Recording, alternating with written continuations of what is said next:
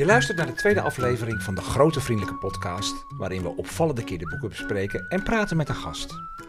Mijn naam is Jaap Frieso, ik schrijf over jeugdliteratuur op jaaplees.nl en tegenover mij zit Bas Maliepaard, kinderboekenrecensent van Dagblad Trouw. Bas, het is onze tweede GVP uh, alweer, begint het al een beetje te wennen? Nou, wennen is een groot woord, maar ik kan hier wel zeker aan wennen. Ja. Het is hartstikke leuk om te doen.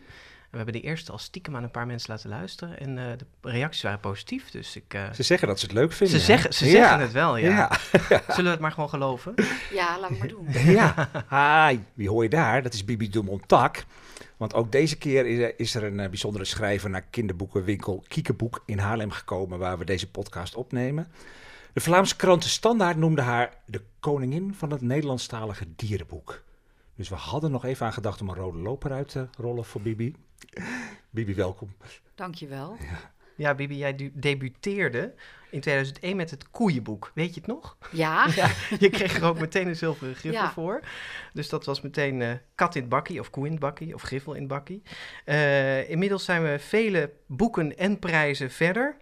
En het leeuwendeel van je oeuvre, het leek me nou een toepasselijk woord, het leeuwendeel van je oeuvre, dat bestaat uit uh, non-fictie, beeldende non-fictie over dieren. Uh, je schreef in 2006 ook nog het kinderboekenweekgeschenk, Laika tussen de sterren. En voor winterdieren won je de Gouden Griffel. Um, over ruim een week, uh, dan is het 25 september 2018, dan mag jij de Theo Thijssenprijs voor jeugdliteratuur in ontvangst nemen. 60.000 euro. Ja. Vroeger was dat uh, de staatsprijs voor kinder- en jeugdliteratuur. Um, dat is een, een enorme eer natuurlijk. Wat betekent het voor jou dat je die prijs hebt gekregen? Is dat in woorden te vatten? Um, nou, het is meer in gebaren, te, maar dat heeft geen zin, want het is een podcast. Ik um, heb eerlijk gezegd heel lang, ik, ik ontdekte, want ik moest eerst eens even kijken die Theo Thijsprijs. Natuurlijk weet ik wat dat is, maar ik heb er nooit echt onderzoek naar gedaan. Dat moet natuurlijk, als non-fictieschrijver doe je overal onderzoek naar. Dus ik ben uh, eens gaan kijken en toen zag ik dat lijstje staan van mensen die me hadden gekregen. En toen, toen werd ik echt heel zenuwachtig, want ik zag alleen maar grote namen. Maar daaronder was de mijne al ingevuld. Oké. Okay. Het was namelijk de Wikipedia-pagina.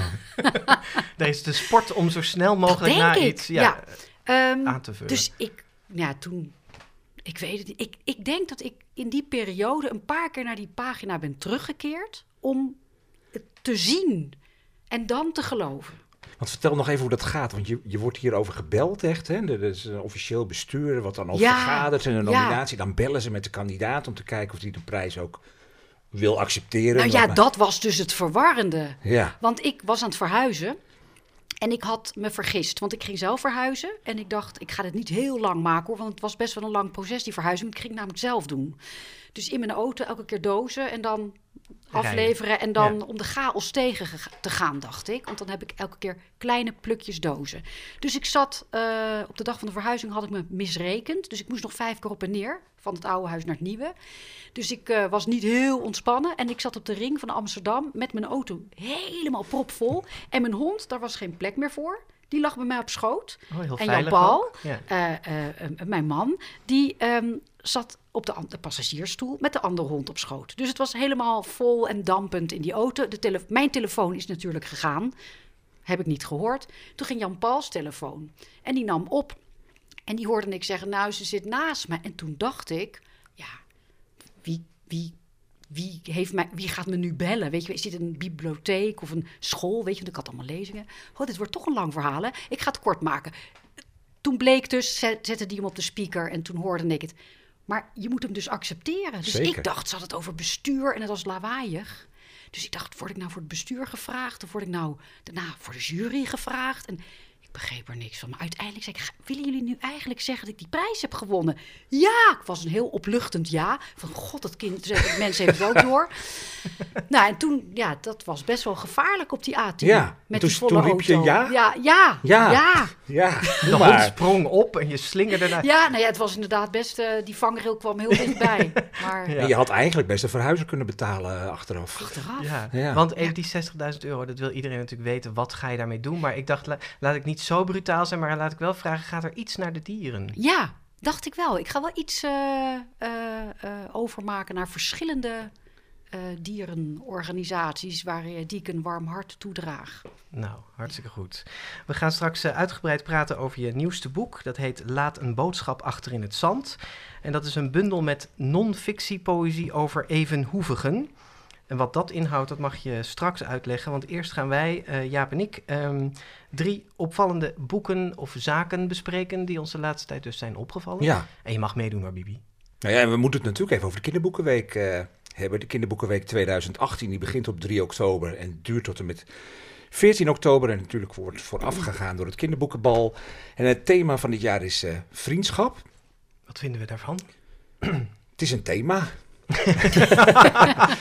ja, ik vraag me altijd af. Het, het, de, de kinderboekenweek moet een thema hebben. En dit is uh, volgens mij een thema waar heel veel boeken over bestaan. Dus dat moet het. Uh, ik had bij dit thema wel een zijn. beetje het gevoel van: uh, is er überhaupt een kinderboek zonder vriendschap erin? Weet je, het is wel een heel algemeen thema, maar ik begrijp ook waarom ze het kiezen. Want het is natuurlijk vooral om, om basisscholen en zo een kapstok te geven om daar echt mee aan het werk te gaan. Het is natuurlijk ook wel mooi, vriendschap. Ik vind het wel een mooi thema. ja. ja. Beter dan vijandschap. Hoewel dat wel weer was interessant wel spannender was. Ja, geweest. Ja. Het, maar ja. ja. die zetten we op het lijstje. Ja. ja. En er zijn natuurlijk uh, geschenken uh, horen erbij. Het kinderboekweekgeschenk van dit jaar is geschreven door Joshua Douglas, zoals hij het zelf uh, zegt. Spreek het goed Joshua uit? Douglas, Joshua ja. Douglas, ja. En dat heet De Eilandenruzie. En dat is een, een, een boekje in een reeks die hij... het is pas trouwens een zesde boek, zag ik. Ja, nou ja, Bibi had er ook pas vijf Ja. toen, eh, Ja? toen je werd gevraagd. Oké, Ja. ja, oké, dus dat kan gewoon. Ja, ja. Ja. nou ja. Het is zijn, zijn zesde boek en het vierde deel in een reeks die Costa Banana heet. En eh, het, ja, het is een, een, een klein, eh, zo- zo'n grappig boekje zoals hij dat schrijft, waar kinderen erg van houden. En eh, je krijgt het straks als je eh 10 euro hebt besteed. In Het de verhaal gaat verder in deze. Het verhaal gaat verder. Ja, het zijn Ja. wel, en dat staat er ook achterop, en dat is ook zo. Ik heb het gelezen. Het is gewoon heel goed zelfstandig te, te lezen. Dat moet echt, ook wel, hè? echt een los verhaal. Ja. Je hebt altijd een beetje zo'n tweedeling bij kinderboekenweekgeschenkschrijvers die al eh, series op hun naam hebben staan. Eh, Janneke Schotvelk vorig jaar die koos er heel bewust voor om niet de zoveelste superjuffie te schrijven. Hè? Maar Mirjam Oldenhaven heeft bijvoorbeeld wel een Mees Kees als Ja, kinderboekenweekgeschenk geschreven. Het is natuurlijk wel een mooie boost voor je serie als je dat Ja. doet, want veel kinderen zullen... Tosca Mente deed ook weer iets heel anders, ja, volgens ja, mij. zelfs Dus ook een, dummy, beetje- de mummy had kunnen schrijven. Ja, ja. Ja. Het is Maar goed, het is goed ja. zelfstandig eh, te lezen. De eilandenruzie. En dan hebben we ook het eh eh, prentenboeken bij de kinderboekenweek. Dat krijg je als je 6,95... Nee, daar moet je 6,95 voor betalen. Ja, ja. Wat op zich voor zo'n prentenboek een spotprijsje is. Dat heet Kom erbij. Zo net, net als dat de kinderboekenweek Dat is het motto van de heet. Het kinderboekenweek, motto, ja, is geschreven door Milja Praagman. En nou ja, dat gaat heel erg over vriendschap. Het zijn kinderen die een, eh, een, een, een, een gek iets vinden. Een groot geel gek iets. Dat is In het ook echt. In ja. het park. En daar blijkt je van alles mee te kunnen. En steeds meer vrienden bij, eh, Ja. bij te vragen. Je zegt geschreven door Milja Praagman, dat is ook zo, maar het is ook vooral geïllustreerd. Het is vooral geïllustreerd door. Milja Praagman. ja. En wij hadden bedacht dat het aardig was om zelf een, eh, een, een boek over vriendschap uit te zoeken en eh, mee te nemen. Wat heb jij meegenomen, Bas? Ja, een, een, een, een boekje voor de aller, aller, allerkleinste. Ehm, het is een kartonboekje, Spelen tot het donker wordt, van Marit Turnquist. Eh, tekstloze prenten van een meisje en een jongetje dat eh, allerlei ja, aan het spelen zijn. Zandkastelen bouwen, ze zijn met de treinbaan bezig, eh, sneeuwpop maken. Dus ook een heel klein beetje door de seizoenen heen. Ehm, eh, dus hij heeft deze platen oorspronkelijk gemaakt voor een Zweedse verhalenboekenreeks. En nu zijn ze gebundeld tot kartonboekje. Hans en Monique Hagen hebben er een, twee gedichtjes bij geschreven. over spelen tot het donker wordt. En ja, het is echt zo'n heel lief, leuk boekje om als kraamcadeau of straks in de schoen met Sinterklaas eh, cadeau te doen. Zie En- ik dat het al een beetje beduimeld is? Nou ja, het is inderdaad bij ons thuis favoriet. Dus het, eh, dit is inderdaad mijn eigen exemplaar, dat zie je goed. En het is een beetje afgeracht, mag je gerust zeggen. Want we zijn al bijna toe aan een nieuwe. Spelen tot na het donker. Ja, ja, dat dus- lijkt me... ja. ja, nee, nee, dat, als het donker wordt, moeten ze naar bed. Maar ehm, dit is on- gewoon een ontzettend leuk boekje. Ja. Echt voor de allerjongste, dus vanaf een jaar of twee. Ja, echt een vriendschapsboekje. Ja, Ja. en jij? Ik heb ook zo'n echt vriendschapsboek meegenomen voor iets oudere kinderen. Ik denk van een jaar of vier, vijf.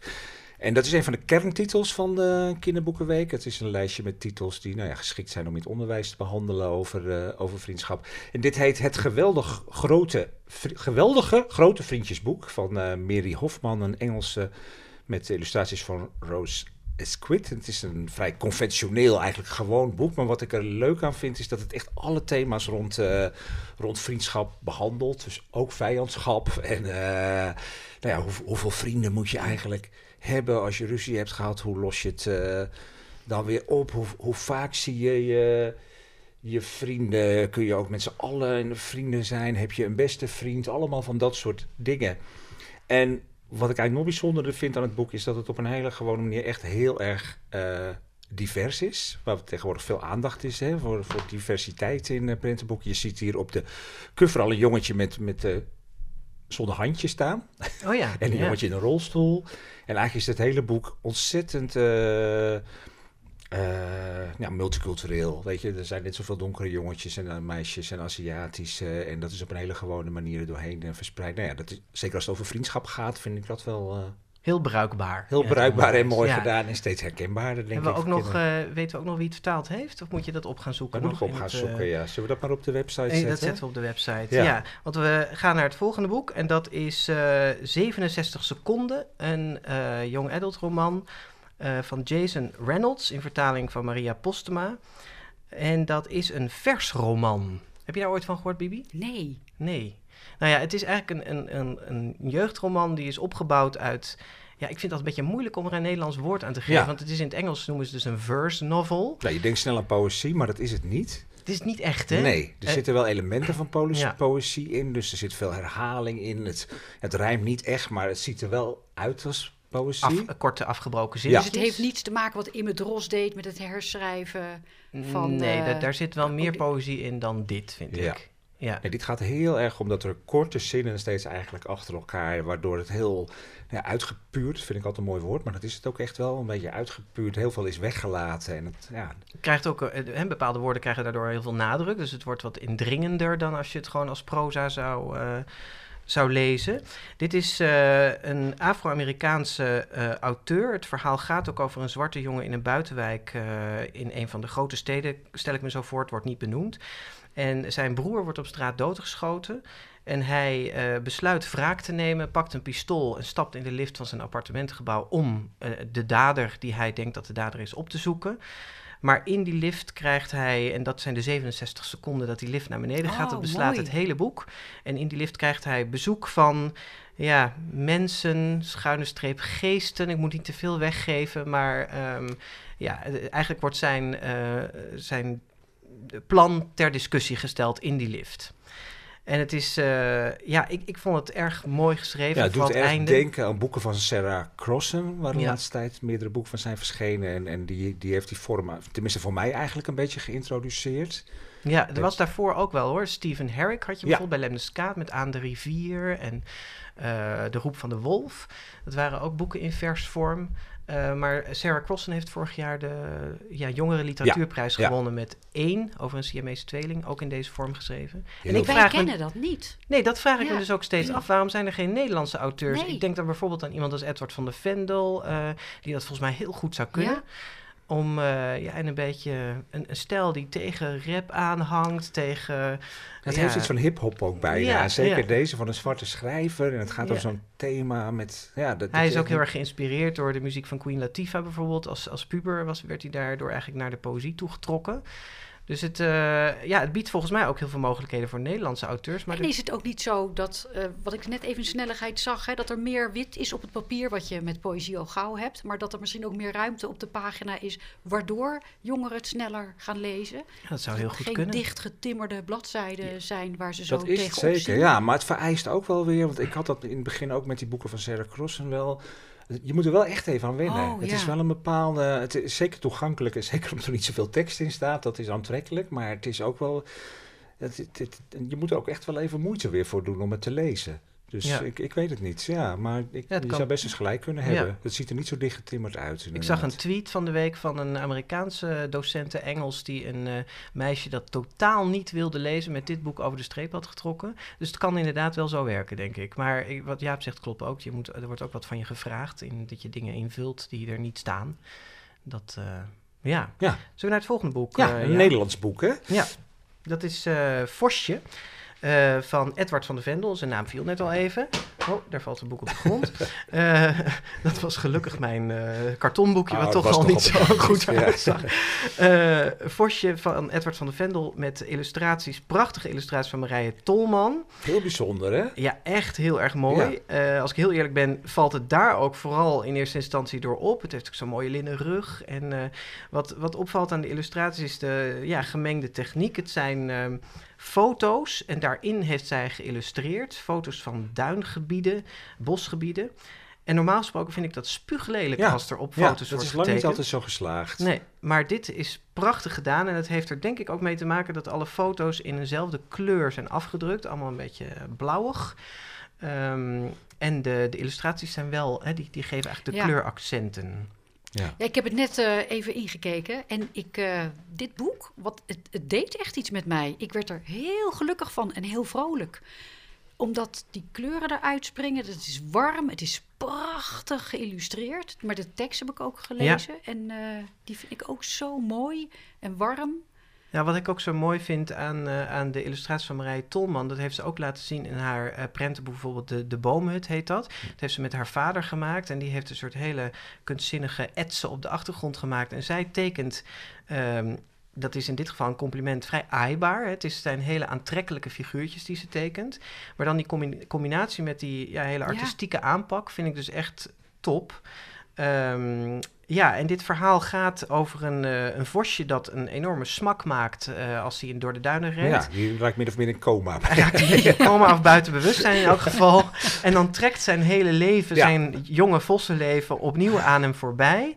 En uh, ja, dus het is ook eigenlijk niet een, een, verhaal waar heel veel spannends in gebeurt. Het is inderdaad vooral... Het verhaal is eigenlijk helemaal niet zo belangrijk. Nee. Het gaat echt om de beelden waar je helemaal door meegezogen wordt. En vrij summeren ja. tekst. Ja, maar het is, het is wel inderdaad wat Bibi zegt, het heeft wel, geeft wel een warm gevoel, dat verhaal. Hè? Ja, zo dat, sfeer. Het is echt sfeer, ja. En wat ik heel erg leuk vind, ook bij Marije Tolman, die uh, nu weer een aantal boeken heeft geïllustreerd, wat je, waarbij je op een gegeven moment denkt van, goh, hartstikke knap, maar nu, nu, nu weet ik ook wel hoe je het doet. Hè? En dat ze dan toch weer iets heel nieuws, dat vind ik altijd heel aantrekkelijk en, en, en dapper, dat mensen dan zichzelf weer op zo'n manier vernieuwen en echt iets durven. Want dit is wel echt een gedurfd. ja, die pagina die je daar opslaat met al die vogels. Ja, ja dit is even beschrijven. Dit is echt een pagina, een soort veld in een bos. Nou, die wil je aan je muur. En daar staan fazanten en ja, ik, jij bent maar ook echt naar het leven. Ja, Vlaamse gaaien, uh, merels. Uh, ja. Fazant zie ik. boomklever. Ik heb mijn leesbril niet op, dus ik doe nu naar de contouren. ja. een kraai. ik zie trouwens ook een edelhert Ja, en een mensje. Er zit één jongetje op een fietsje komt, uh, oh, ja, ik zie komt hem, voorbij. Ja, die ook wel een belangrijke Maar dat vosje, dat heeft die fluoriserende kleur. Dat maakt dat het zo springt, het boek. Ik heb me laten vertellen dat het een speciale druktechniek is... die inderdaad dat de kleur oranje er, er, heel erg laat uitspringen. Ik heb het wel eens eerder gezien in het boek... Uh, uh, vogels, vrolijke vogels van e Emanuele Wolker heet ze uit oh, mijn hoofd. Hè? Ja, ja, ik weet wat je ehm, bedoelt. En daar zit ook zo'n fluoriserende uh, vogel steeds in, of een oranje kleur. Maar dat is ook heel mooi, hè? dat een uitgever dat toch gewoon doet en daar zoveel moeite en liefde en aandacht aan, uh, ja. aan besteedt. Ja. Het is van uitgeverij Querido. Het is van uitgeverij Querido voor kinderen vanaf een jaar of vier. En net zijn we vergeten te zeggen bij 67 seconden, die Young Adult roman, dat het uitgegeven is bij Blossom Books en voor jongeren vanaf 14 jaar. Je moet ook zoveel vertellen. Ja. Maar het grote voordeel is dat we een website hebben en alles wat wij hier bespreken. En de foto's die we maken, die kun je allemaal terugvinden op onze website, degrotevriendelijkepodcast.nl. En daar staat ook een share-knop onder. Daar kan je alle afleveringen weer delen via je eigen social media of embedden op je blog of website. En nou, het zou leuk zijn als jullie dat allemaal doen. Dan kunnen we de grootste vriendelijke podcast worden. Ja, en nu zijn we wij genoeg aan het woord geweest, Bibi. We gaan naar jou toe. Um, wij vragen aan elke gast in deze podcast om uh, de, voor, aan, aan het oh begin van het gesprek de eerste zin uit het boek voor te lezen. Leesbril op. en dat is dus bij jou de eerste zin uit Laat een boodschap achter in het zand. Zou je die zin willen voorlezen? Het boek wordt opengeslagen. Daar komt hij. Dagwandelende uitkijktoren in je pyjama van blokjes hout. Ja, meteen een prachtige zin. En de vacht van dit dier, dat siert ook de cover van het boek. Annemarie van Haringen tekende de vlekken van de giraf. Maar als je goed kijkt, dan zijn die vlekken ook weer silhouetten van dieren. Prachtig gedaan. Was deze zin ook de, de kiem van het boek voor jou? Was de eerste zin die je op papier zette? Dat is wel zo, ja. Ja? ja. Wat Ja. leuk. We hebben nu al raak. Ja. ja. Dat is wel drie jaar geleden, want ik heb er eh, lang over gedaan. Maar het is, eh, ja, Ja? het is de eerste Dit was zin. het eerste gedicht Ja, ook en het je laatste zin is ook volgens mij echt... het- Nou ja. ja, Echt de laatste nee, zin. Dus, Jij bent helemaal geknipt voor deze podcast. ja, de rest van alle afleveringen. Die gaan we aan het eind van het gesprek horen, die laatste zin. We willen zo graag ook het hele gedicht over de giraf horen natuurlijk. Maar misschien is het goed om eerst even uit te leggen wat deze bundel is. Ik zei daar straks al non-fictiepoëzie over evenhoevigen. Wat is non-fictiepoëzie en wat zijn evenhoevigen? Bibi, help ons. Ja, nou ja, non-fictiepoëzie, dat is iets wat ik zelf heb gedacht. Althans, bedacht. Ik heb het nooit eerder gehoord. Ehm, en dat komt omdat ik over dieren schrijf. En eh, soms kreeg ik wel eens te horen... oh, je schrijft zo poëtisch. Toen dacht ik na twintig boeken... laat ik dan die poëzie eens proberen. Maar ik ben geen dichter. Dus ik dacht, als ik nou eh non-fictie proza kan schrijven... dan kan ik het misschien verengen naar poëzie. Dus eigenlijk is het een non-fictie poëzie. Het is dus informatieve gedichten. Maar dat klinkt afschuwelijk. Informatieve Dus ja, gedichten, nee, dat ja. kan niet. Dus ik dacht, nou, non-fictie poëzie klinkt wel mooier. Dus als je het gedicht hebt gelezen, weet je ook echt iets over dat dier. Dat, dat, dat is natuurlijk waar het om gaat. En die eh giraffennek op het omslag, eh, die vlekjes van de giraf, dat zijn dus dieren, maar dat zijn ook evenhoevigen. Want ik heb me beperkt tot de evenhoevigen. Dus niet alle dieren mogen erin. Maar ik dacht, poëzie is eh, eh, je inderdaad eh, Compact? Of- compact ja. en je beperken en je grenzen opleggen. Dus ik dacht, ik doe alleen gedichten, schrijf ik over eh evenhoevigen. En dat zijn dieren met twee tenen. Ja. Twee tenen. Twee tenen. Of vier, of niet? Of vier. Ja. Daar heb je het nijlpaard. Ja. Er zijn er niet zo heel veel van. Volgens mij is nijlpaard het enige. Nou ja, misschien dat er nog Er ergens... is er geen één een met zes? Nee, nee, nee, Nee, nee. Nee, oké. nee, nee, heel goed dat je dat even ja. voor de zekerheid... Ja. Eén dier met 28 tenen. Ja. Ja, nee. nee. Ehm, ja, want ze moeten ook wat nagels hebben, eh, tenen hebben. Hè. Het moet ook hoeven. Het is niet, eh, je hebt Oh, natuurlijk een ja. hond, die heeft, eh, maar die, dat zijn, die heeft kussentjes. Ja. Dat zijn dus weer geen hoeven. Dus daar moeten we ook nog eventjes, eh, ja, daar moet je ook nog Maar was op dit om je die keuze om jezelf een restrictie op te leggen? Of, Ja. of dacht je even hoevige joepie? Daar, eh, Ja, allebei. Oké. Ja, maar eh, het- er komt nog meer bij kijken, want ik had het bedacht dat ik het met Annemarie van Haringen wilde gaan maken. Dus dat, dat, dat stond al vast. En zij kan als geen ander even hoeven tekenen. Oké. Want wij hadden ooit een prentenboek samengemaakt. Eh, ik wil ook, heet dat. En dat gaat over een, een zeeboekalf.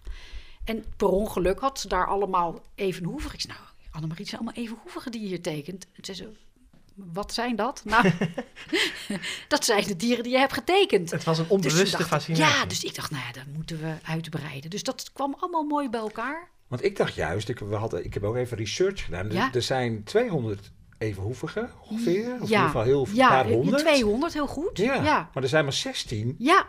Dat? Oneven. Ja. Ik denk, Ja. nou, dat is nog een mooie. Dan kun je ze alle 16 behandelen. Maar dat heb je dan weer niet gedaan. Nee, want je hebt...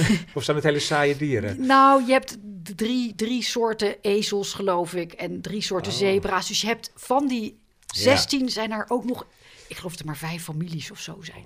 Maar ik moet wel zeggen, het is ook een beetje gemeen. Want de evenhoevigen wilden er natuurlijk wel in, maar die mochten er niet in. Dus Er is er eentje die... die, die ja, eh, eentje zegt het is discriminatie. Dus de die- okapi, hè? ja, de Okapi zegt van dit is echt...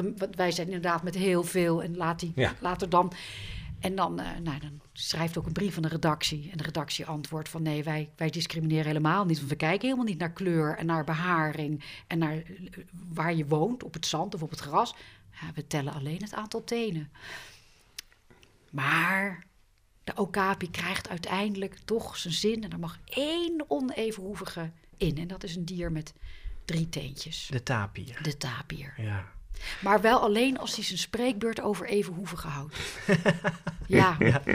En zo hebben, daar komen we zo meteen nog even op. Zo hebben heel veel gedichten een aparte vorm ook weer. Hè. Je noemde net al Ja, die ingezonde brief en dan de spreekbeurt. Dus zo zitten er nog veel meer vormen in.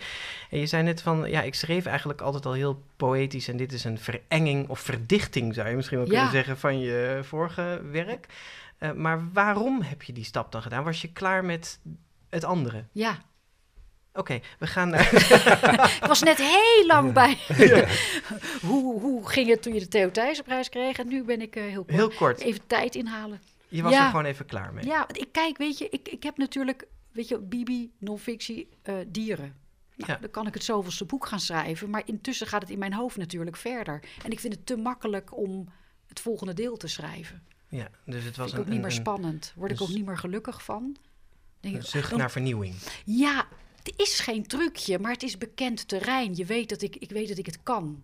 Tenminste, nou ja. Had je al eerder gedichten geschreven? Of ben je nu echt gaan zitten nee, van ik ga, ik ga gedichten schrijven? Ja, want ik, ik ben afgestudeerd op poëzie. Dus ik weet wel iets ervan. En ik weet hoe ongelooflijk moeilijk het is. En ik weet, dat zou ik ook nooit kunnen. Ik, zou me ook, ik ga mezelf ook absoluut geen dichter noemen. Maar ik dacht, dit zou. Maar het gewoon eigenlijk. waarom niet, Bibi? Het zijn, uh, als ik het mag zeggen, het zijn prachtige gedichten. Ja, ja, jullie zijn ongeveer de eerste die het hebben gelezen. Dus ik heb ook niet heel veel commentaar nog gekregen. Maar toen ik voor het eerst ging schrijven, schreef ik fictie. En dat werd door tien uitgeverijen teruggestuurd van, nou ja, past niet in ons fonds. Maar ze bedoelden gewoon dit is niks. Je kan het niet. Totdat ik non-fictie ging proberen. En toen werkte het wel. En hetzelfde is denk ik met poëzie. Als ik gewoon poëzie zou gaan schrijven, dan wordt het echt niks. Maar nu weer met die non-fictie-poëzie dacht ik, nou ja, wie weet. Nou ja, er ligt een bundel. Nou, je bent toch dicht gebleven bij iets wat je al ja, kan maken. Ja, eigenlijk wel, waar ik me thuis in voel. Ik waag die uitspraak te betwijfelen, dat je het echt niet zou kunnen, poëzie. Maar goed, we gaan in elk geval luisteren nu naar het eerste oh gedicht, als je dat wil doen. De, de giraf dus. De eerste zin hebben we al gehoord, maar nu ook de rest. Het heet ook gewoon de giraf. Handig. Dagwandelende uitkijktoren in je pyjama van blokjes hout. Kun jij ooit verdwalen? Heb je het nooit koud? Hoe is het vlak onder de wolken? Kun je daar ademhalen? Is het er mistig zo hoog? Stoot je je wel eens aan de regenboog? Val je wel eens om? Word je nooit eens moe? Stroomt er wel genoeg bloed naar je hersens toe? Hoe in hemelsnaam kan zo'n uitgerekt beest als jij bestaan? De giraf heeft een hart als een katapult. Bij iedere slag schiet het bloed dat zuist, dat giert, dat brult door die eindeloze nek naar boven, via aderen vuistdik en zo sterk als een ankertouw.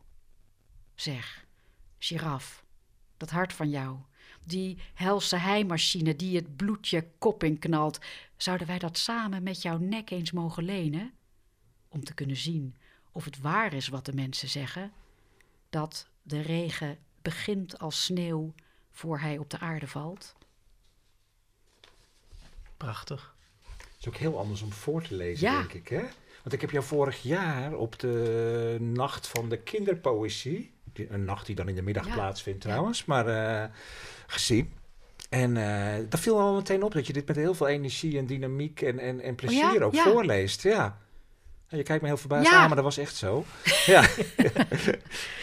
Hey, je, je, je, zou denken in eerste instantie dat de vorm van het gedichtje beperkt. Hè? Wat zei je ook daar straks van, je legt jezelf beperkingen op. Maar zoals ik net al even aanstipte, de, in deze bundel zitten veel meer vormen eigenlijk dan je in je Bibi's Bijzondere Beestenboek of Winterdieren ja, laat zien. Waar. Is het, boort dit toch ook nieuwe dingen dan in je aan, die, ja, die dichtvorm? eigenlijk, uh, kijk, twee dingen. Um, Binnen het gedicht is het een enorme beperking, omdat ik uh, maar één onderwerp aan de orde kan stellen, om het zomaar even te doen. De giraf is zo'n gaaf beest, daar kan ik nog wel twintig dingen over vertellen. Dus mijn eerste gedicht was hartstikke lang, met allemaal, en hij kan ook nog dit en dat. Toen dacht ik, dat kan niet, ik moet me beperken. Dus één ding, namelijk dat krankzinnige sterke hart. Daar ga ik het over hebben. Dus je kan per gedicht maar één uh, bijzonderheid uh, noemen. Maar inderdaad, je kunt dus ja, ik dacht opeens, maar ik kan een, ik kan een reclame maken. En ik kan uh, een sportverslag staat erin. En een rouwadvertentie en een, en een contactadvertentie. Dat is ook een titelgedicht. Laat een boodschap achter in het zand. Ja, dat is een wilde kameel, hè? Ja. Die is op zoek naar een vrouwtje. En, ja, want die zijn namelijk uh, bijna uitgestorven. We hebben wel heel veel... Oh ja, tamme dieren mogen er ook niet in. Dus geen koe, geen tamme... Hè, de meeste kamelen die we kennen zijn tam. Ehm, en het gewone varken staat er dan wel in, maar dat is een uitzondering. Maar um, de geit staat er ook niet in, de schaap ook niet. Alleen maar wild. En de wilde kameel, de echte, die woont in China en daar zijn er nog maar duizend van. Die is bijna uitgestorven. Ja, dus, dus daar heb je een contactadvertentie ja, voor Ja, want die komt niemand tegen. Je moet je voorstellen, woon je in de Gobi-woestijn. En dan sta je daar wanneer kom je nou iemand tegen? Ik dacht, wat een ramp. Laat een, boodschap achter, in, het zand. Ja. en toen daar kan je natuurlijk op twee manieren. Maar ik bedoelde eigenlijk een tekst. Maar anderen denken aan een mest. Ja, oh Wat ja, natuurlijk dat eigenlijk- natuurlijk ook nog. Ja, De boodschap. eh, ja, de bo- ja daar had ik dus helemaal niet aan gedacht. of een kleine boodschap. Zo doen dieren dat natuurlijk. Die Ja, eh, ja. poepen gewoon en dan ruiken ze dat op afstand. En dan... Maar dat was heel eerlijk gezegd niet mijn, vond ik niet zo poëtisch. Totdat een Belgische bibliothecaresse dat tegen me zei. Ja, Maar eigenlijk was dit dan ook weer een soort ontdekkingsreis dat je dacht van hé, maar deze vormen kan ik allemaal Ja, gebruiken en er ja. echt nieuwe dingen in je aan. ja, Dat was fijn. ontzettend fijn. Je zei net, eh, eh, dat eerste gedicht was eigenlijk eh, twee keer zo lang of zo. Eh, ging het je makkelijk af, dat dichten? Of Nee. eh, verviel je in rijmelarij Ja, ja. of dat soort dingen? Ja? Ja, het was ook eh, heel erg lang en echt dertig keer zo slecht. Oh, Echt en- maar zo slecht dat het gewoon lachwekkend was. En eh, nou ja, Maar eh, wie lachte daarom dan? Jijzelf? Of? Nou, ik en toen op een gegeven moment heb ik het aan Jan-Paul eh, voorgelezen. Jan-Paul Schutte is jouw is man? mijn man Ja. en die schrijft ook kinderboeken. Ik zei, ja, ik, dit kan ik volgens mij helemaal. Toen las ik het voor en dan weet ik... Moest hij ook lachen. Nee, hij Oh. was echt verbijsterd. Ze kan ook echt heel slecht schrijven, dacht hij. oh, wat erg. Ja, het was 2015 en we hadden ook nog vakantie. Dus ik dacht, daar gaat het. Dit, wordt, dit is geen goed begin van de vakantie. Toen dacht ik, als ik de laatste dag van die vakantie... We hadden twee of drie weken. Dan moet er gewoon één gedicht staan. Dus ik heb echt eh, ja, twee of drie weken eraan gewerkt. Maar wat maakt dan dat je toch doorgaat als je denkt Ja. van dit kan ik niet? Nou ja, dat is wel een goede vraag. Dan val ik weer even stil. Eh omdat ik het ja, toch heel graag wil en natuurlijk boos word dat ik me dat heb opgelegd en dat idee zo leuk was. En dan ga ik me niet door een stel woorden laten tegenhouden. Toch? wanneer, Mijn dacht, wanneer dacht je, ik, ja, ik, ik kan het toch? Toen ik het einde had. Want ik had op een gegeven moment dacht ik, oh, ik moet me beperken. Ik moet alleen dat hart, want dat is wel te gek dat je zo'n sterk hart moet hebben. Want dat bloed, kijk, bij ons gaat het ook van ons hart naar onze hersenen. Maar ja, wat, hoeveel centimeter zit daartussen? Maar bij een giraf moet het ongeveer de Eiffeltoren, weet je, die moet gewoon helemaal naar boven gepompt worden. Maar als die aderen ook nog heel dun zijn, hè, dat, dan knappen die aderen. Dus vond het eigenlijk te gek. Hoe Dus kan dacht, dit? Daar, hoe kan, Ja. daar ga ik het op doen. Maar toen dacht ik, ja, maar dan moet ik ook nog wel een einde hebben dat ertoe doet. Dus, dus de sleutel was toch inderdaad het beperken tot één kenmerk. ja. Ja. Toen ging het opeens, Ja. het dichten. Hey, eh, hoe bepaal je eigenlijk wat je wilt neerzetten dan van een, van een dier? Welk, welk kenmerk licht je eruit? Nou ja, de informatie. En de informatie die mij, net als hoop ik iedereen, doet verbazen. Dus giraf is lang, dat weten we allemaal. Die heeft geloof ik net zoveel eh, nekwervels als wij. Dat is ook nog weer zoiets aparts. Maar dat weten we eigenlijk ook allemaal nog wel. Dat moeten dan een soort hele grote bakstenen ja, zijn of zo, zo. precies.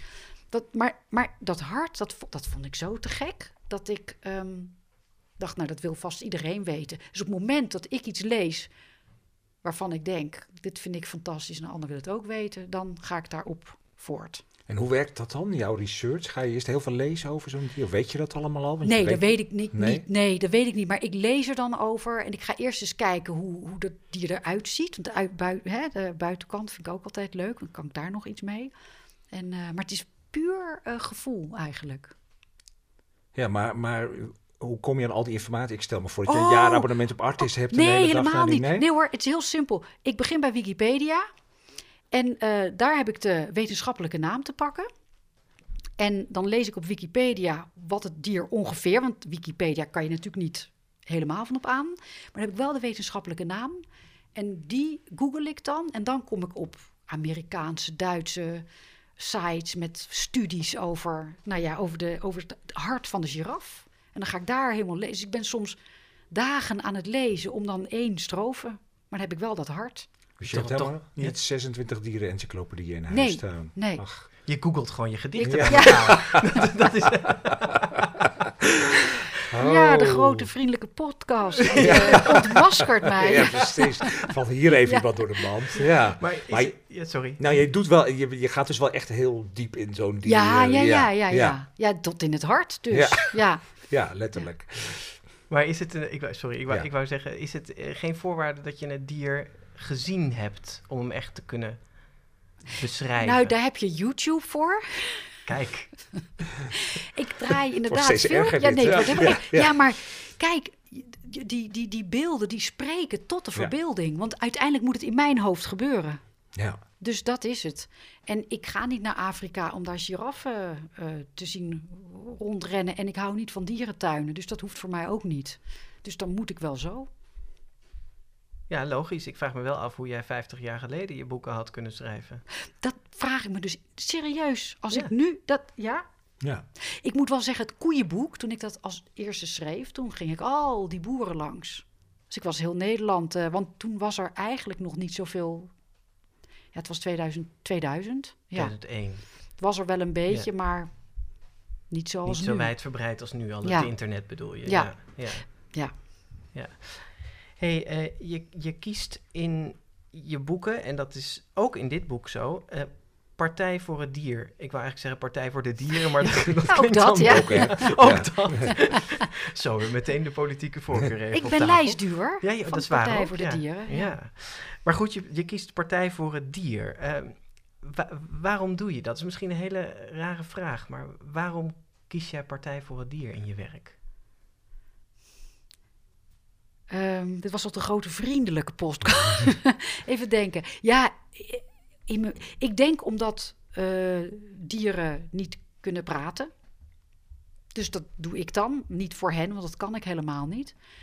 Maar um, ik vind dieren eigenlijk, als ik het heel ver door wil trekken, en dat wil ik best doen eigenlijk, uh, dat ze gelijk zijn aan mensen.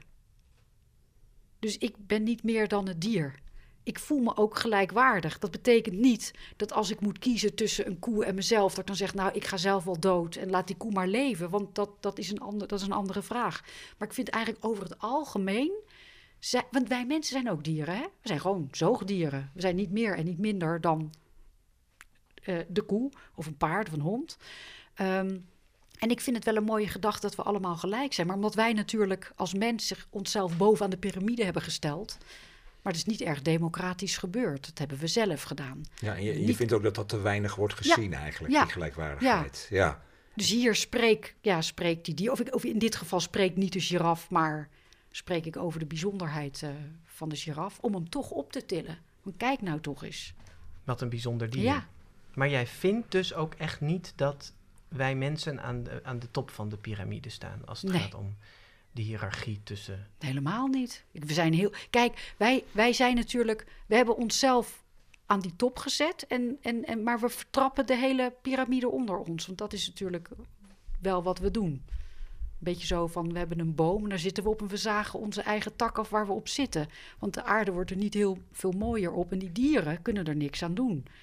Dus die probeer ik een beetje te promoten. Ja, maar toch ben je, je bent niet meteen een hele activistische nee, schrijfster. Nee, hè? nee, nee, je zit. Nee. Je, je doet eigenlijk dat vooral door heel veel informatie en een soort gevoel van liefde voor die dieren over te brengen. Dat is eigenlijk jouw manier van om die gelijkwaardigheid aan te geven. Ja. Zeg ik dat goed? Ja, dat zeg je goed. Beetje ambassadeurschap eigenlijk. Ja, voor ik ben geen. Als je een acti ik vind activisme dat. Dat past niet zo bij me. Nou ja, het viel me wel op in, in je vorige, een van je vorige boeken. Er zijn er een aantal achter elkaar verschenen. Het heel grote vogelboek. Daarin schreef je een, een uh, stukje over de snip. Oh, vogeltje. Ja. Dat bij uh, De Wereld Draait Door op tafel werd bereid door de kok uh, Robert Kranenborg. En je was daar behoorlijk fel over in dat stukje. En dat was eigenlijk voor het eerst dat ik in jouw oeuvre dacht van... oh, maar hier stelt ze hem wel even Ja. op scherp. En het, in het Koeienparadijs, het boek wat daarna kwam, dat ging over koeien in de leemkuil, als ik het Nee, goed de zeg. leemweg. Oh, de Leemweg. Ja, de Leemkuil is weer een speeltuin ergens in Nijmegen. maar dus kom maar goed. de Leemweg. Dat is een opvang voor koeien, onder andere koeien die aan de slacht zijn ontsnapt of Ja. eh, vrijgekocht zijn. Dus daar zat ook iets meer activisme. Ja. Ja. je kunt het bijna niet zo noemen, maar wel iets in die richting. Ja, het- Lijstduwerschapje. Een Ja. licht voor de koeien in. Is het niet zo dat het... Misschien dat het- verschuift het iets, Ja? ja. ja. dat zou best kunnen dat ik het ook meer durf. En dat ik ook denk, hmm, wat heeft het voor zin om heel vriendelijk telkens maar weer met de, de, op de vriendelijke manier te zeggen... kijk eens hoe mooi die giraf is op een gegeven moment. Nou, een, voorbeeld vind ik Joukje Akveld... hè, mhm. die ook non-fictie schrijft over dieren... En zij heeft uh, Wij waren hier eerst geschreven. Uh, ja, boek over Afrika. boek over Afrika en Zuid-Afrika en de dieren die daar wonen. De botsing tussen, de botsing mensen, tussen en mensen en dieren. En zij is activistischer en dat vind ik echt geweldig. Dat waardeer ik heel erg. Ik denk, ja, ik zou ook tegen haar, je gaat echt een stapje verder dan dat ik ga. En ze neemt een standpunt in. Ja, en ze zegt ook op de, op de omslag, en de, hè, op de achterflap staat ook... als je niet van dieren houdt, uh, is dit geen boek voor jou? Of als je alleen, als, als de mens jouw lievelingsdier is, is dit geen boek voor jou? Zo is het. Ik denk zo. Goed zo. Oké, dus dat zit er echt wel in bij jou. Ja, ja. ja.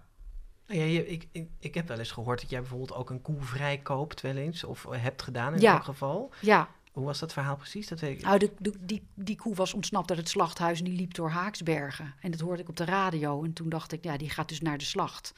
Maar als ik hem koop, dan weet ik dat hij naar de Leemweg kan. Want die, die kende ik vanwege mijn uh, eerste, allereerste boek. En je werkt ook, ook nog bij de dierenambulance. Ja. Dus dan zou je zeggen, in, in de praktijk zet je je wel heel erg uh, letterlijk in voor uh, het welzijn van het dier. Ja. Dan ga je de barricade ook op. Nee, niet zozeer. Want ik had laatst een mevrouw die zei: Ja, ik had geen geld voor de dierenarts, dus ik heb hem maar laten doodgaan. En toen moesten wij met de dierenambulance de overleden kat ophalen. En toen dacht ik: Hè? Hè? Je had geen geld. Ik weet dat die kat, dat was een plaskater, zoals dat heet. Die krijgen dan zoveel nierstenen, dan kunnen oh ze niet plassen. Dus ze hebben met helse pijnen gaan die dood. Maar heeft het voor zin als ik tegen die vrouw zeg: Wat heb je nou gedaan? Want ze vond het vreselijk, maar ze had geen geld voor de dierenarts. Dan ben ik dus niet activistisch. Dan sla ik toch nog een arm om die vrouw heen. Maar ik denk: Oh, wat erg. Maar het helpt niet, want de kat is al dood. Zullen we weer even een gedicht doen? Ja, dat, dat, heeft hier eigenlijk wel een beetje mee te maken. Ja, over de dood. Het heeft hier wel een klein beetje mee te maken, want je laat een aantal keer ook zien dat uh, sommige dieren te lijden hebben onder hoe wij mensen met ze omgaan. Ja. En daar is dit uh, denk ik ook een voorbeeld van, hè? Is de rouwadvertentie, hè? Ja, ja. de Pyreneese ja. steenbok. Ja. Nou, daar heb ik ook wat over gelezen voordat ik dat vond. Maar um, deze Pyreneese steenbok is uitgestorven, bestaat niet meer. Dus daar heb ik een rouwadvertentie voor geschreven. In memoriam. Enige en algemene kennisgeving door de parkopzichters van Natuurpark Ordessa y Montepedido. Celia. Spanje. Geboren 1997, gestorven 6 januari 2000.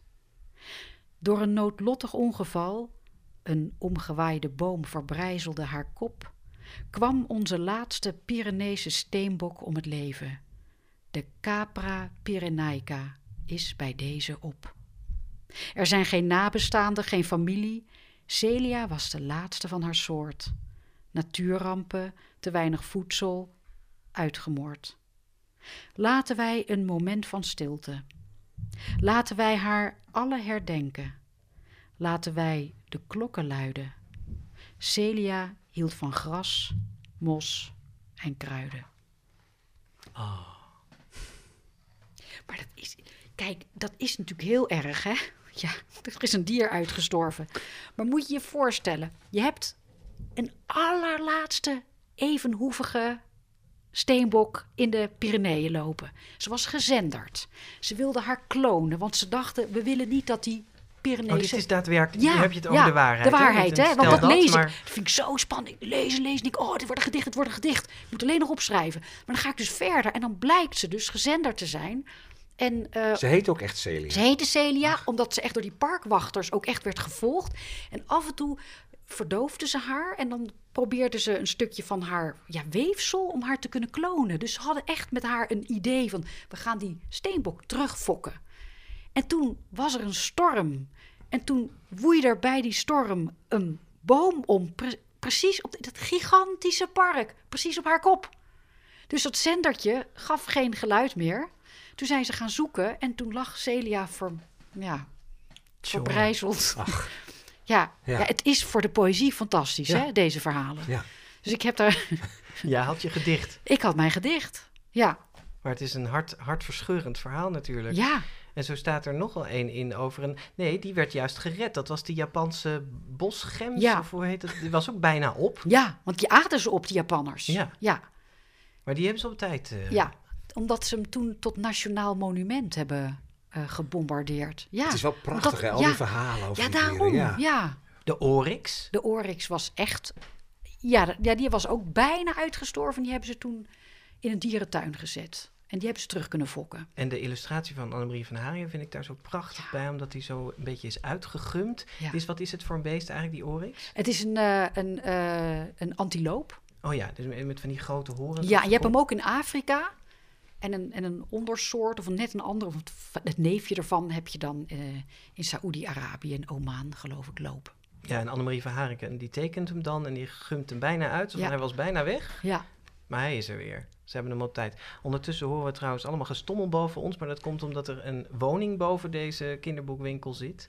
Ja. Die mensen En, horen af en toe rennen. Die hebben een Maar goed, kindje volgens mij. Die hebben een klein ja. kindje. Ze zouden dus moeten gaan voorlezen als wij deze podcast opnemen. hè? Ehm, ja, Jan-Paul en jij waren zo'n beetje de eerste, Jan-Paul Schutte dus, de Ja. naam viel eerder, eh, de eerste die echt doorbraken met die literaire verhalende non-fictie voor kinderen. En je noemde net al Joukje Akveld, maar er zijn ook nog veel meer mensen daarna gekomen. Mark ter Horst bijvoorbeeld, Geert-Jan Roebers, Annette Huizing.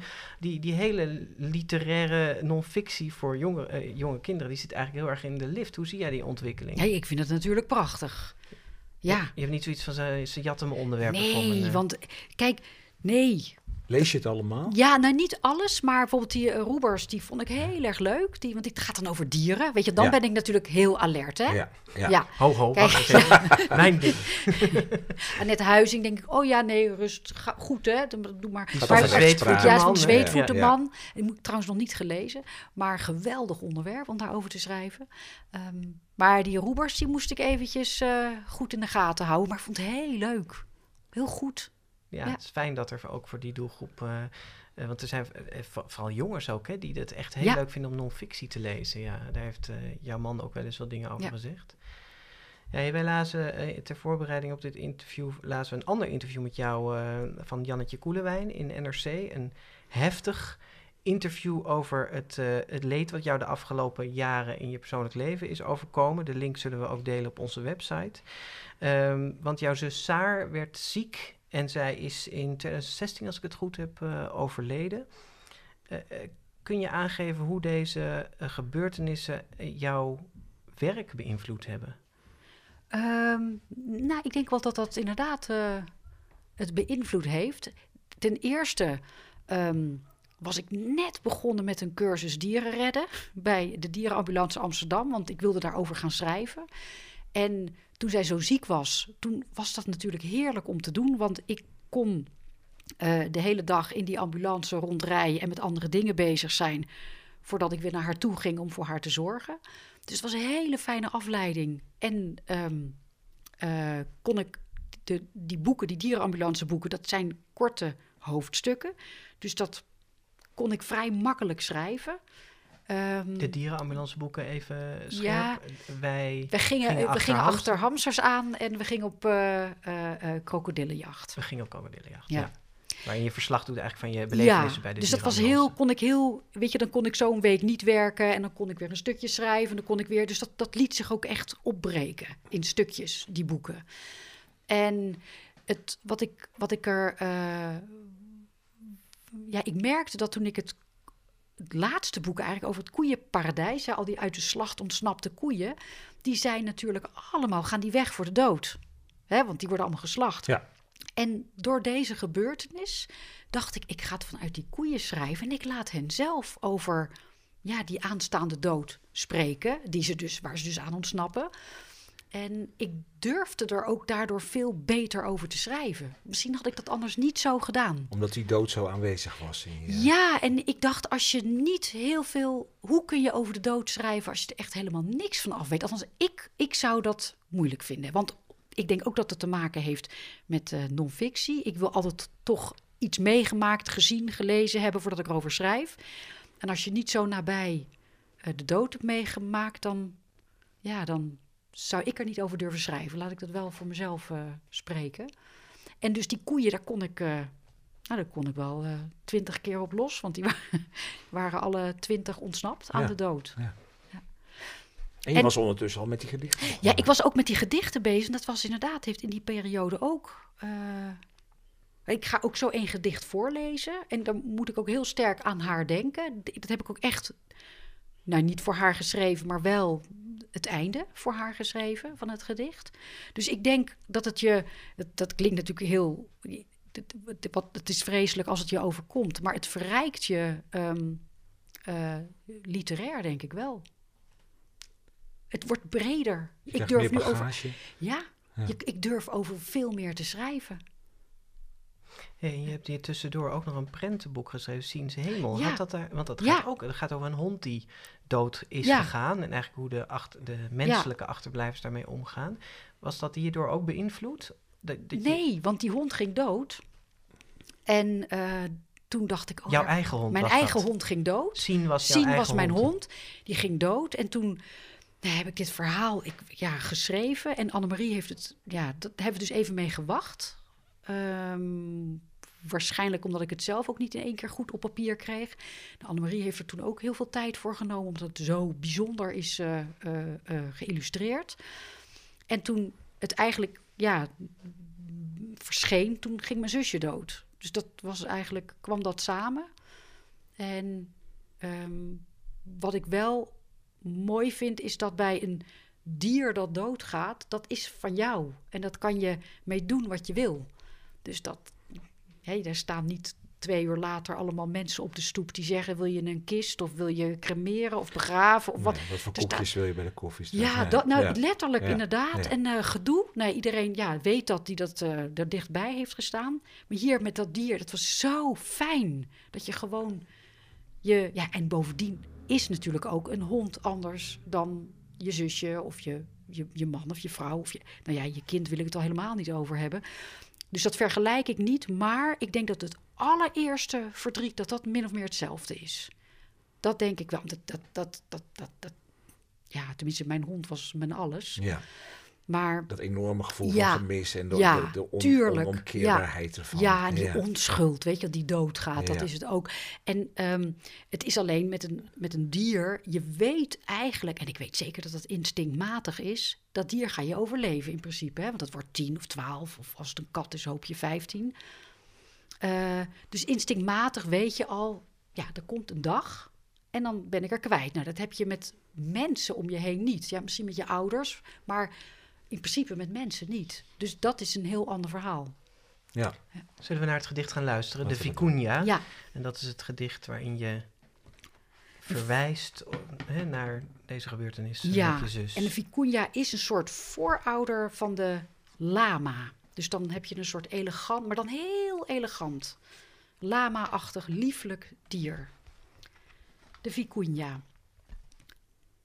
Waar de hemel ophoudt, en het luchtledige begint, waar de vlakte niet meer weet of hij nu ligt of zweeft, waar de sterren s'nachts de baas zijn en wolken schuilen voor de wind, dat is de plek waar de Vicuña woont, op eenzame hoogte en in veel te dunne lucht, ver weg van alles wat ademen moet. Maar de Vicuña kan het. Het is een dier met eeuwig bloed. Liggen wij te hijgen, geen adem meer, zuurstofmaskers op? Trekt de vicuña nog een sprintje, omdat zijn bloed zo lekker sterk is, zo levenslustig als limonade, bordevol met prik, waardoor het bruist tot in zijn kop. Waar ons bloed al dood is, al wat minder rood is, daar leven cellen bij vicuña's langer voort. Als enige kan hij ademen in de ijle lucht van het hoogland van Bolivia tot de Altiplano van Peru. Dus, Vicuña, als je straks weer langs de hemel rent, wil je dan eens blijven staan en als het kan de groetjes doen? Wij hadden namelijk iemand lief die daarvoor goed is heen gegaan. plaatje erbij is ook heel ja, erg mooi. Beschrijf eens wat je daar ziet. Ja, je ziet een, uh, het is een hele zwarte bladzij. Het is speciaal uh, gedrukt met een uh, zwart op zwart, heet het geloof ik. Um, sterren. op een zwarte achtergrond. En een raketje, zoals we die van Kuifje kennen. En, uh, en, en een vicunha die dus eigenlijk door de hemel zweeft. Ja, en er staan nog een paar details in die ook echt... Ja, één sterretje met een brilletje. Ja. En een sterretje met een lachje erin. En natuurlijk wat, wat heuvels waar die boven zweeft. Ik sprak uh, Annemarie van Haringen voor deze aflevering. Oh. En zij vertelde dat het lippenstiftmondje verwijst naar jouw zus. Oh. En het brilletje naar haar eigen overleden echtgenoot. Oh, wat mooi. Wist je dat ja, niet? Ja, ik geloof dat brilletje wist ik niet. Nee. Nee, dat wist ik eigenlijk niet.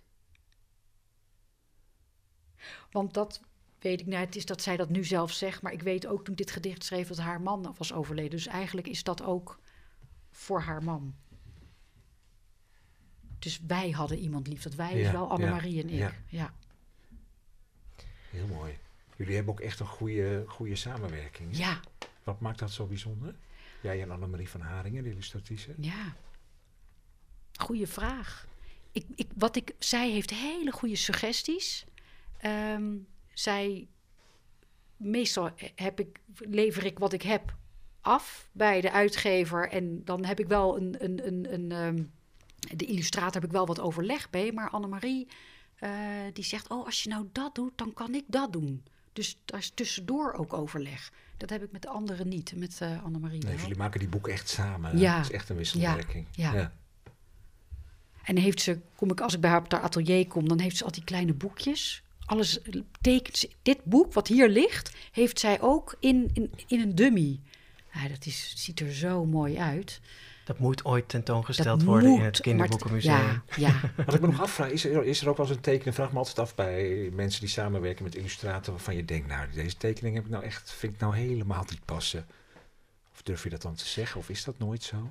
Nee, bij, bij Annemarie. Is dat gewoon nooit zo? Ik moet heel eerlijk zeggen dat ik het bij niemand heb. Nee? Want ik, vind, ik heb natuurlijk met Philip Hopman gewerkt. Die vind ik fantastisch. Ben ik ook altijd zo blij eh, als ik zo warm en zo ja, licht. En ja, hij heeft dan ook altijd die, die, ja, die lijntjes lopen bij hem zo lekker. Ja, dat klinkt natuurlijk heel raar wat ik zeg, maar nou ja, goed. Dus nee, daar zou ik nooit iets op te zeggen hebben. Alleen maar te juichen hebben. En met Fleur van der Weel heb ik eh, ook eh, beestenboeken gemaakt. Ja, ja, ik, ja ik, word, ik denk dat ik gewoon een hele... Je bent gewoon gezegend gewoon- met je ja, ik ben gezegend, ja. ja. Ja, Mooi. ja. Straks eh, gaan we jou vragen naar de laatste zin eh, uit dit boek. We zijn er alweer bijna. Maar eh, eerst nog even dit. grote vriendelijke parel. De grote vriendelijke parel, onze rubriek. Wie sprak deze tune eigenlijk in? Ja, dat hebben we de vorige keer niet gezegd, hè? Nee. Dat is mijn, eh, mijn eigen Max, drie jaar. En die heeft eh, met mij in de berging dit 25 keer opgenomen. Ehm, en eh, hij zegt nog steeds wel eens... Jij bent een grote vriendelijke Karel. Want hij is vergeten dat het de parel is. dus het is een heel eigen leven gaan leiden Ja, nou, in de grote vriendelijke parel vragen we elke gast in deze podcast om een, een, een kinderboek op de boekenplank van de GVP te zetten. Een bijzonder boek, een boek dat meer aandacht verdient. Het hoeft niet per se je lievelingsboek te zijn, maar een boek wat van grote betekenis is eh, geweest. En dat je graag met anderen wilt delen. Bibi, we hebben jou ook gevraagd zo'n boek mee te nemen. Ik zie het hier al liggen. Wat is het geworden? Het is eh, Papa is een hond van Guus Kuijer. Het moest weer over dieren gaan. Ja, Ja. Eh, ik dacht, ik kies een boek waar ik vroeger als kind ehm, me heel erg mee vereenzelvigde. Eh, nou ja, dat is dit boek van ja. Guus Kun je Kuijer. heel kort vertellen waar het... Ja, en het, het is dus niet meer verkrijgbaar. Eh, maar binnenkort hoop ik weer wel. Ik hoop dat de uitgever zo wijs is om te zeggen: we gaan dit opnieuw uitgeven. Het is je eigen uitgever. Ja, dus, dus ik eh, moet daar gebruik je eh, invloed. Ja. Ehm, eh, Mark wordt wakker en gaat naar school. Maar terwijl hij zich wil aankleden, is het wel heel stil in huis. En ehm, hij vindt zijn ouders niet, niet in geen enkele kamer. Dus hij denkt, waar zijn ze nou? Nou ja, ik ga toch maar ontbijten. En dan verschijnen ze niet op het moment dat hij de deur uitgaat. Hij denkt, ik ga toch maar naar school, want anders kom ik te laat. En op straat ziet hij niemand. En dan komt hij uiteindelijk bij de school aan. En dan is daar geen kind op het schoolplein. En dan gaat hij de school binnen. En er zijn geen meesters, geen juffen. Er is helemaal niemand. En dan gaat hij netjes aan zijn vaste tafeltje zitten. En pakt dan maar een rekenboek, want ja, die dag hadden ze rekenen. En daar komt niemand, totdat hij op een gegeven moment ook lawaai hoort buiten. Nou, het verhaal is eigenlijk dat de mensen zijn van de wereld af. En hij is omringd door dieren, althans dieren die voor een deel nog opgesloten zitten. Dus hij heeft een hele grote taak om al die dieren vrij te laten en uh, te eten te geven. Dat gaat natuurlijk ook mis, want hij kan niet alle dieren redden. Soms is het ook best keihard. En dan gaan er allemaal koeien dood en zo. En, en, en, en nou ja, honden en gevechten. En het is eigenlijk best wel pittig boek. Maar ik vind het geweldig. En hij gaat dan uiteindelijk met die dieren op reis. Papa is een hond, is de titel. Um, want hij vindt het zo jammer dat hij het woordje papa niet meer kan zeggen. Dus dacht hij, als ik nou de, mijn grootste vriend, die hond, die dan een grote herdershond, als ik die uh, nou papa noem, dan kan ik elke keer zeggen: papa doe dit of papa doe dat. En, uh, en op het omslag zie je Mark op een paard zitten. Dat is meester Buikhuizen, want dan heeft hij in ieder geval zijn meester nog bij zich. Dus het is niet zo dat die mensen veranderd zijn in die dieren? Nee, nee dat, uh, ik heb het nu toch, ik heb het weer herlezen. En nee, tenminste, ik zie dat er niet in. Maar het kan zijn dat een, iemand anders dat er wel in ziet, hè, daarin leest. Maar hij trekt dus met al deze stoet, uh, uh, stoet met dieren naar Gibraltar. Dus dwars door België, Frankrijk, Spanje. je hoeft niet het hele boek te vertellen. Maar nee, maar daar stopt het. Oké, okay, oh, Nee, maar ja. de rest ja. moet je lezen. Ja. Maar in ieder geval... en waar, waarom, wat, wat maakt dit boek zo dat je het met ons wilt delen? Um, het, het, het, um, als je het begint met het lezen, dan denk, lezen, dan denk je, oh, het is een beetje ge, ge, gedateerd. Dat zou misschien de reden kunnen zijn dat ze het niet meer willen uitgeven. Dat is onzin, want ik lees op dit moment een boek uit 1860.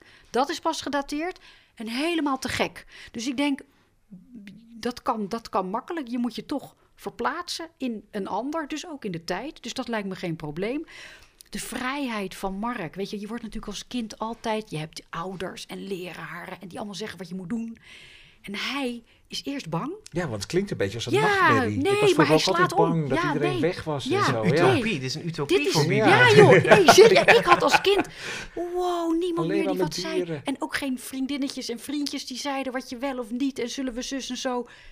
Alleen maar met de dieren. Nou, fantastisch. We zetten hem op de Heel boekenplank van de GVP. Papa is Eh, een hond van Guus. Ja. Ehm, en we begonnen dit gesprek met de eerste zin uit Laat een boodschap achter in het zand. Zoek jij hem vast op, Bibi, want we zouden ook heel erg graag de laatste zin willen Ja, horen. is dit in dit geval, want het is poëzie, zin of regel? Eh, doe maar de zin, echt. Ja, vind ik wel mooi. Van wie is de wol begint? Ja. Nee, dat is de laatste regel. Ja. Nee, de laatste zin. Oh, jij zei zin. Ja, ik oh, zei zin. Ja, Nog een keer. nog een keer. We doen dit nog een keer. Ja, Eh, de laatste zin. En met dit mooie shot schakelen we weer over naar de studio, waar straks het programma Van Wie is de Wol begint. Van wie is de wol? En van wie die wol is, dat moeten luisteraars zelf maar lezen in Laat een boodschap achter in het zand. De, nou ja, de debuut poëzie, non-fictie poëziebundel van, eh, van de Bibi Dubontak.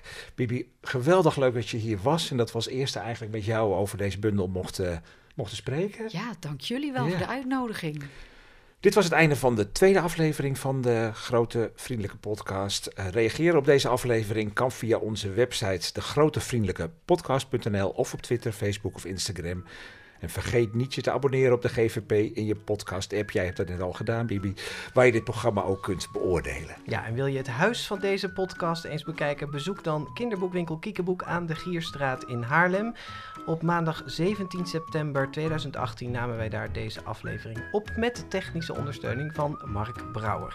Eind oktober 2018 is er een nieuwe aflevering van de Grote Vriendelijke Podcast. Graag tot dan. Tot dan.